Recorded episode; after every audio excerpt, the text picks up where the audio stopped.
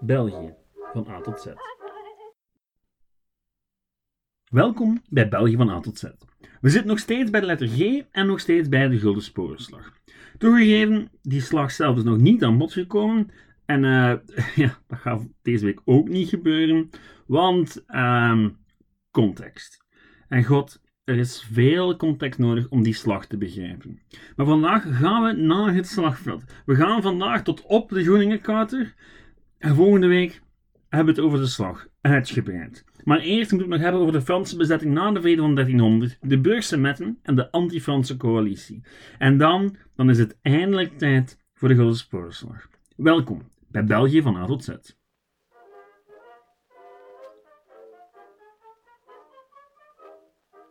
Misschien is het tijd voor een korte samenvatting van wat er vooraf gegaan is. In aflevering 1 hadden we het over de afstammeling van Boudewijn met een ijzeren arm, bijna, van een overstromingsgebied een sterk graafschap maakten. Een graafschap dat het moest hebben van zijn steden en van zijn handel. Een graafschap ook dat zich eeuwenlang niet al te veel aantrekken moest van de Franse koning. Tot een zekere Philips Augustus de kaart begon te hertekenen. Letterlijk, door het Franse grondgebied wat uit te breiden en wat ja, te knagen aan Vlaanderen, maar ook figuurlijk door zijn macht over zijn onderdanen te vergroten, inclusief de graaf van Vlaanderen.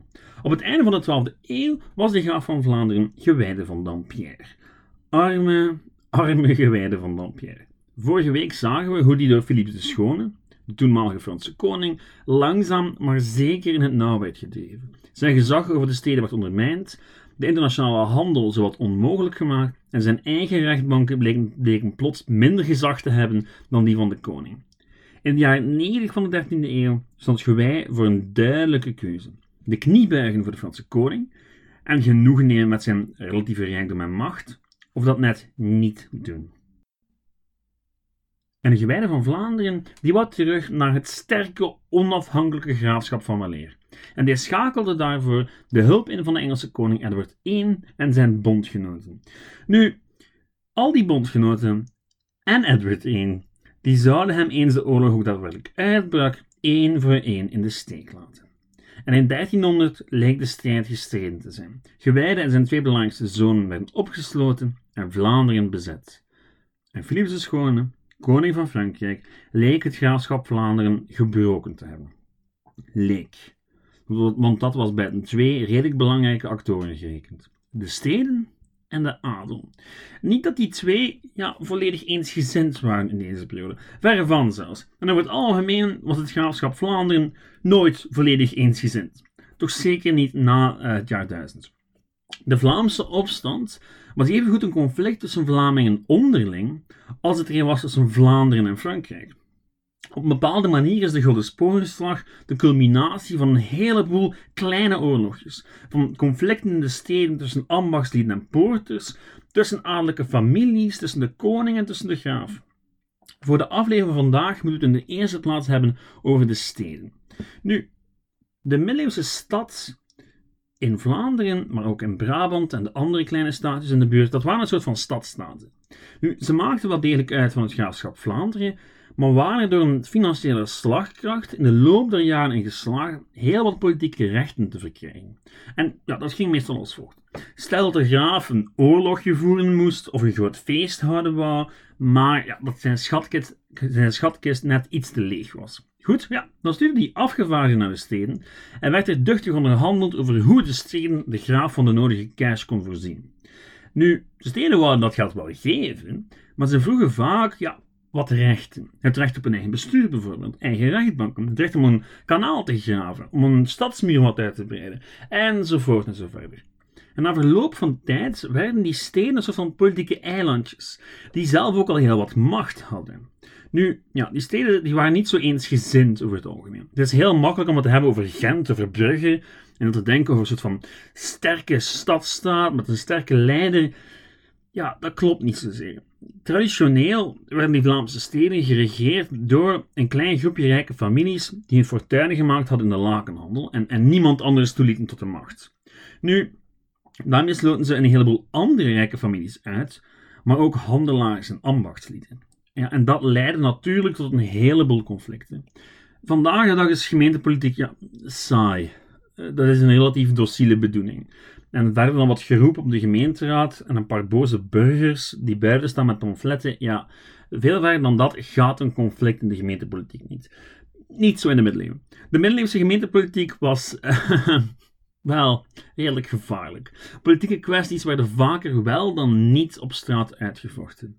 Nu, waarom waren die steden zo'n kruidvaten? Wel, die families die functioneerden een beetje zoals de Italiaanse maffia. Men probeerde zoveel mogelijk mensen aan zich te binden door gunsten te verlenen en af en toe eens uit te pakken met geweld. Tegenover de massa, maar ook tegenover elkaar. Uh, het is in deze periode dat er ook heel veel moorden werden gepleegd. In Gent leek het op bij momenten echt een maffiafilm. Er is een fantastisch boek, een middeleeuwse vendetta van Wim Blokmans. Dat gaat over Gent in 1300 en uh, ja, daar sterven heel wat uh, rijke en minder rijke mensen in, in een conflict tussen twee adellijke families. Het is echt een aanrader, is geen roman, is een geschiedenisboek, maar echt een aanrader over ja, die steden en die politieke sfeer daar, die verre van gezellig was. Nu, terug naar 1300. Um, het werd voor de patriciërs steeds moeilijker om de massa in bedwang te houden naarmate de steden steeds groter en welvarender werden. Want je had steeds meer mensen binnen die stad die wel wat geld hadden en die ook, die ook belangrijk waren voor de stad. En langzaam maar zeker begon een deel van de massa zich te organiseren en hadden zelfs welgestelde burgers soms gehad met de gevestigde orde. En dan, heel vaak, begon de buitenwereld zich te moeien. In de eerste plaats de graaf, want dat was natuurlijk het centraal gezag. En als iets mis was, ja, dan ging men naar de graaf om te proberen die aan hun kant te krijgen. En daarna, en meestal op vraag van de stadsbestuurders, de koning. Want, daar hebben we het al vaak over gehad, Philips deed niet liever dan het gezag van de graaf te ondermijnen. Nu, de relatie van de steden met de graaf was op zijn zachtst gezegd wisselvallig. En net daarom bleven de meeste steden neutraal toen gewijde ten strijde trok tegen Philips de Schone. En door neutraliteit kon hij bijna ook niet anders dan verliezen. Zeker toen al zijn bondgenoten de benen namen. Maar in 1300 leek de rol van de graaf van Vlaanderen definitief uitgespeeld, want het graafschap stond onder direct gezag van de Franse vorst. En ja, je had het eigenlijk al kunnen raden, maar het gras bleek niet bijster veel groener te zijn aan de overkant. Philips de Schone, eenmaal heer en meester van het graafschap, besloot, zoals gebruikelijk is voor een vorst, aan een rondje van straffen en belonen te doen. Zij die hem gesteund hadden, werden beloond en de rest gestraft. Ja, begrijpelijk, maar niet de beste methode om een verdeeld land tegen elkaar te lijmen, onder een nieuw gezag. Nu, was het misschien ook niet echt de bedoeling van Philips de Schone om de dingen terug te herstellen naar hoe ze waren voor de oorlog? Hij lijkt eerder van plan geweest te zijn om ja, van dat graafschap gewoon een koninklijke provincie te maken zoals zijn voorvaderen dat al hadden gedaan met de Languedoc en met Normandië. Philips liet nieuwe vestigingen bouwen, stelde zijn eigen ambtenaren aan en in 1301 kwam hij zelfs zijn nieuwe winstgebieden bezoeken. Nu, dat bezoek was op zichzelf wel een heugelijke aangelegenheid. Hij werd overal binnengehaald met geschenken, met optredens, met muziek en dergelijke meer. Maar eh, ironisch genoeg creëerde die intrede ook mee de aanleiding voor de uiteindelijke opstand. Het is namelijk traditioneel dat bij een intrede van zo'n nieuwe vorst, dat die zijn kersverse onderdanen ja, tevreden probeert te stellen. Meestal op vraag van die onderdanen met het afschaffen van een of andere belasting. Zo ook in Gent. In Gent riep men naar de koning, ah, schaf, schaf die belasting af. En Philips, ja goed, die stemde ermee in om het ongeld uh, af te schaffen. Het ongeld was een belasting die de stad hief op ja, wat je nu consumptiegoederen zou noemen. Um, nu, dat was een hele pijnlijke. Niet zozeer voor Philips, want die belasting werd helemaal niet aan Philips betaald, maar die werd aan de stad betaald. En voor het stadsbestuur was dat wel een pijnlijke, want dat was een tax die heel veel geld opbracht. En bij gevolg was men in Brugge ja, een beetje bevreesd. Het stadsbestuur in Brugge was dood, doodsbang dat ze plots ook met een gat in de begroting zouden zitten. Dus in Brugge verbood men de Brugse bevolking om de vorst een verzoek te roepen. En elke overtreder zou de doodstraf krijgen. Nu goed, de, de gemiddelde burgerling was niet te spreken over die maatregel. En toen na het vertrek van de koning het stadsbestuur ook nog eens afkwam met de rekening van de festiviteiten, was het hek van de dam. Want wie, zei het stadsbestuur, moest die rekening betalen? De ambachten. En de ambacht, ja, dat, was, dat waren de organisaties van ja, je, kan, je kan ze niet echt arbeiders noemen, maar wel mensen die ja, bepaalde goederen maakten. En die ambachten waren heel belangrijk in Brugge, want Brugge was een van de grootste producenten van, van laken. Nu, wie produceerde dat laken? Ja, dat waren de wevers. En er was een zekere wever, een zekere Pieter de Koning. Ja, die Pieter de Koning, die het vervolgens wel had gehad met het patricische stadsbestuur. En hij ging aan het preken. Nu, de koning behoorde tot het grootste ambacht van de stad en die verzamelde al snel een heleboel medestanders, waaronder Jan Breidel, ja, die Jan Breidel, al lijkt hij niet zo heel erg aangenaam geweest te zijn, in tegenstelling tot zijn rol in ehm, het boek van Hunter Conscience. In elk geval, ja, de schepenen raakten wat verontrust door al het kabaal en vonden er uiteindelijk niet beter op dan de koning en 25 van zijn gezellen te laten opsluiten. Wat een vreselijke keuze bleek te zijn. Het nieuwtje had zich nog maar verspreid over de stad, of de ambachtslieden mobiliseerden, bewapenden zich en eisten de vrijheid van de koning. En het stadsbestuur, die gaven toe. Die gaven toe omdat ze niet dachten dat ze het aankonden om al die ambachtslieden terug naar huis te krijgen. En dit, liefste luisteraar, dit is de vonk die gaat leiden tot de Golden Sporenslag. Heel vreemd, want wat ik hierboven beschrijf is eigenlijk weinig meer dan een intern conflict in Brugge tussen de ambachten en het stadsbestuur. Geen georganiseerde opstand tegen de koning, geen gepassioneerde oproep tot het herstel van de graaf. Nu, dat Brugge op springen stond, mag niemand verbazen. Het handelscentrum van Noord-Europa had jarenlang amper kunnen handelen als gevolg van oorlog, handelsblokkades en dergelijke meer. De wevers, de volders en alle anderen die afhankelijk waren van de Engelse wolimport, ja, die hadden het heel erg moeilijk gehad tijdens die jaren. En hadden nog steeds amper politieke invloed op het beleid. Al betaalden ze wel het merendeel van de rekeningen. En dat gold voor Brugge, maar ook voor bijna alle andere steden in het graafschap. En zelfs voor heel wat boeren. En toch is er eigenlijk geen enkele reden waarom al die ontevredenheid zich plots tegen de Franse koning richten zou. Behalve ja, behalve als hij zonder er echt goed bij na te denken een kant kiest. En dat dan de verkeerde kant blijkt te zijn. Nu, het was niet Philippe zelf die ingreep toen in Brugge de ambachtslieden gewapend op straat kwamen. Het was zijn gouverneur, Jacques de Chatillon. Die kwam met een klein legertje het stadsbestuur te hulp en wist de stad terug in te nemen. De koning en consorten werden verbannen en ter straf moesten de Bruggelingen een deel van hun eigen stadswallen slopen en gijzelaars naar Doornik sturen. Ja, mag dan ook niet verbazen dat de gemiddelde Bruggeling in 1301 geen hoge dunk meer had van de Franse koning. En daar, op dat punt, hadden enkele adellijke heerschappen zitten wachten. Want ja, de graaf en twee van zijn zoons mochten dan wel in de Franse cel zitten, maar had niet de hele familie Dampierre laten opsluiten. Gewij van Namen en Willem van Gulk, respectievelijk zoon en kleinzoon van de graaf, die waren in 1301 druk op zoek naar bondgenoten. Bijvoorbeeld Net verbannen ambachtslieden uit Brugge bijvoorbeeld. Ze overtuigden de koning in februari 1302 om terug te keren naar Brugge. En die kwam terug met de steun van de oude grafelijke familie en niemand durfde hem terug buiten te schoppen. Want plots leek die de koning onaantastbaar geworden te zijn. En in maart, na een korte staatsgreep, nam hij zelfs het bestuur van de stad over.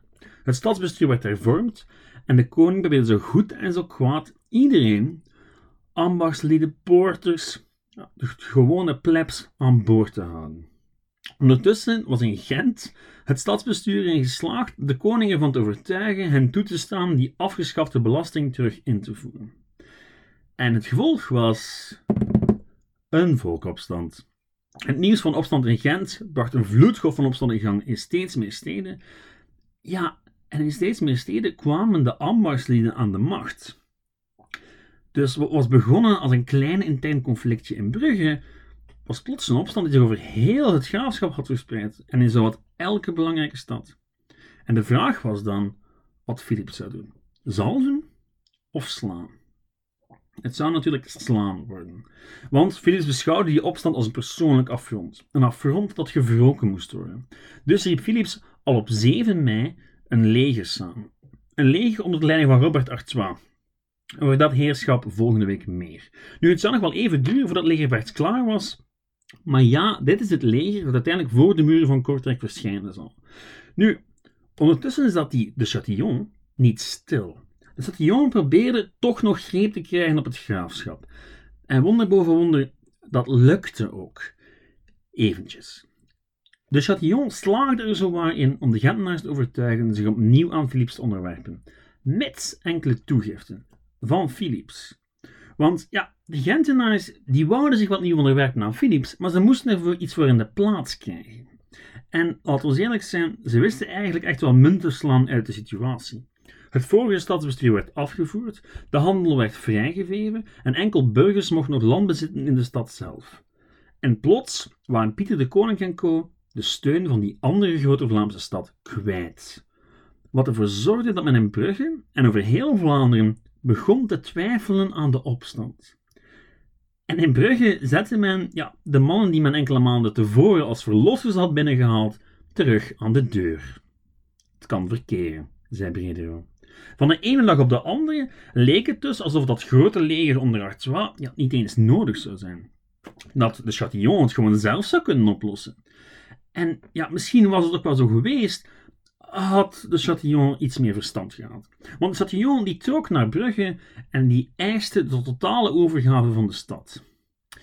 En de stad zei: Oké, zolang je binnenkomt met een klein aantal troepen, is dat oké. Nu, op 16 mei trok iedereen die de Fransen vreesde de stad uit.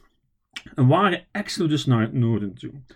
En op 17 mei trok de Chatillon binnen met een leger van een slordige duizend man. Om dan van een welverdiende nachtrust te gaan verdienen in het mooie Brugge. Uh, een nachtrust die duurde tot uh, zonsopgang. Tot de Metten. De Brugse Metten, om precies te zijn. Nu, die naam werd pas veel later gebruikt en slaat inderdaad op de vroegste bellen die geleid worden uh, voor het gebed. Maar dat is een naam die pas veel later is toegepast. De Bruggelingen zelf in de middeleeuwen noemden die dag Goede Vrijdag of Goede Vrijdag. Mijn excuses voor mijn ja, licht racistisch West-Vlaams. Nu, Goede Vrijdag dus. Al was Pasen al een tijdje gepasseerd, maar goed. Feit is dat bij zonsopgang, toen de wacht wisselde, al die Bruggelingen die op 16 mei vertrokken waren, plots terugkeerden. En ja, dat was redelijk eenvoudig, daar diezelfde Chatillon die braaf in zijn bed lag, enkele maanden tevoren een groot deel van de wallen had laten afbreken. En wat volgde, ja, dat was echt geen heroïsche veldslag of, volksopstand, was eigenlijk gewoon een slachting. De Fransen waren in de minderheid, ze waren verspreid over de hele stad, en al wat de Bruggelingen moesten doen was ze vinden en die identificeren. Nu, zouden de opstandingen inderdaad gebruik gemaakt hebben van de spreekschild en vriend, ja, al bestaat daar op de dag van vandaag veel discussie over. Feit is dat er heel wat Fransen omkwamen en Chatillon enkel ter nauwe nood kon ontsnappen. En dat er geen weg terug meer was. Geen weg terug voor Brugge en geen weg terug voor het graafschap. Nu moest er wel gevochten worden. En van 18 mei tot 11 juli 1302 ging alles razendsnel. Iedereen leek er vrede meegenomen te hebben dat verdere bloedvergieten onvermijdelijk was. Het was tijd om een kant te kiezen en tijd om zich voor te bereiden op de strijd. En in Brugge kreeg het onwaarschijnlijke bondgenootschap tussen ambachtslieden en edelen opnieuw vorm. De adel nam het militaire gezag op zich, terwijl de nieuwe stadsbesturen het geld voor al dat militair machtsvertoon bij elkaar proberen te krijgen. En dat machtsvertoon, ja, dat dracht op. Kortrijk, Yper, Oudenaarde, allemaal liepen ze over naar de opstandelingen. Alle grote steden in het graafschap, behalve Gent. U weet wel, die stad die net zijn ziel had verkocht voor meer rechten. En dat was vooral een probleem voor Gent, want die kreeg plots geen voedsel meer binnen. Het voedsel dat naar Gent moest komen, ja, geraakte niet meer, omdat de opstandelingen de rivieren blokkeerden. Dus vroegen ze aan Philips om aan die omsingeling toch maar zo snel mogelijk een einde te maken. En die antwoordde dat er al een leger onderweg was. Nu, voor we het over dat leger hebben, wil ik nog even benadrukken dat er in Gent op dat moment zeker geen eensgezindheid heerste over de te nemen positie. De Fransgezinden hadden dan wel voorlopig de bovenhand, maar ja, een heleboel Gentenaars waren niet eens met de positie, verlieten de stad en sloten zich aan bij de opstand onder leiding van een zekere Jan Borluut. Daarover later hopelijk ooit meer. Nu, er was eigenlijk geen enkele stad volledig voor of tegen de opstand. Het was overal een soort van mini-burgeroorlog. En de positie van een stad werd simpelweg bepaald door wie er op dat moment aan de macht was. Oké, terug naar de komende veldslag. Want Robert van Artois, die naderde Kortrijk. Maar waarom Kortrijk? Wel, omdat zich daar het Vlaamse leger bevond. Want Kortrijk mocht dan wel in de handen zijn van de opstandelingen. Het garnizoenskasteel niet. Dat stond trouwens waar nu ongeveer de Biertorens staan, voor mensen die Kortrijk een beetje kennen. Nu, dat kasteel werd nog steeds bezet door Franse troepen. Troepen die de stad regelmatig bekogelden met vuurpijlen en dergelijke. Dus ja, bij gevolg, dat kasteel moest vallen. En de Vlamingen waren daar druk mee bezig en net dat wou Artois vermijden. En Artois wou Kortrijk ook terugnemen. Tot twee keer toe bestormden de troepen van Artois de stad, maar de stad hield stand. Dus was er maar één oplossing. De Vlaamse troepen buiten de stad aanvallen. De troepen op de Groeningenkouter. Het was 11 juli 1302 en de Gulden Sporenslag stond op het punt te beginnen. Maar dat is voor volgende week. Het spijt mij zeer dat ik er niet meer vaart achter kan zetten, maar ik doe dit eerlijk gezegd liever goed dan snel.